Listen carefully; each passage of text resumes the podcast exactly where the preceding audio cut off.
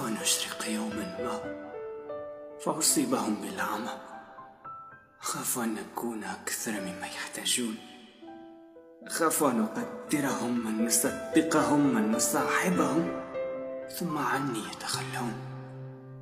خليط بين الحبر والدموع. خبر عاجل. كنت خائفا من المحتوم. ربما نسوا لكني لم أنسى. من هم أصدقاء؟ لا هم شيء أكثر شرا شيء أناني. ربما أكثرت من الدراما ربما أكثرت من الجنون ربما أكثرت من الكتابة ربما أدعي الجنون لكني صادق مع نفسي. ماذا عنك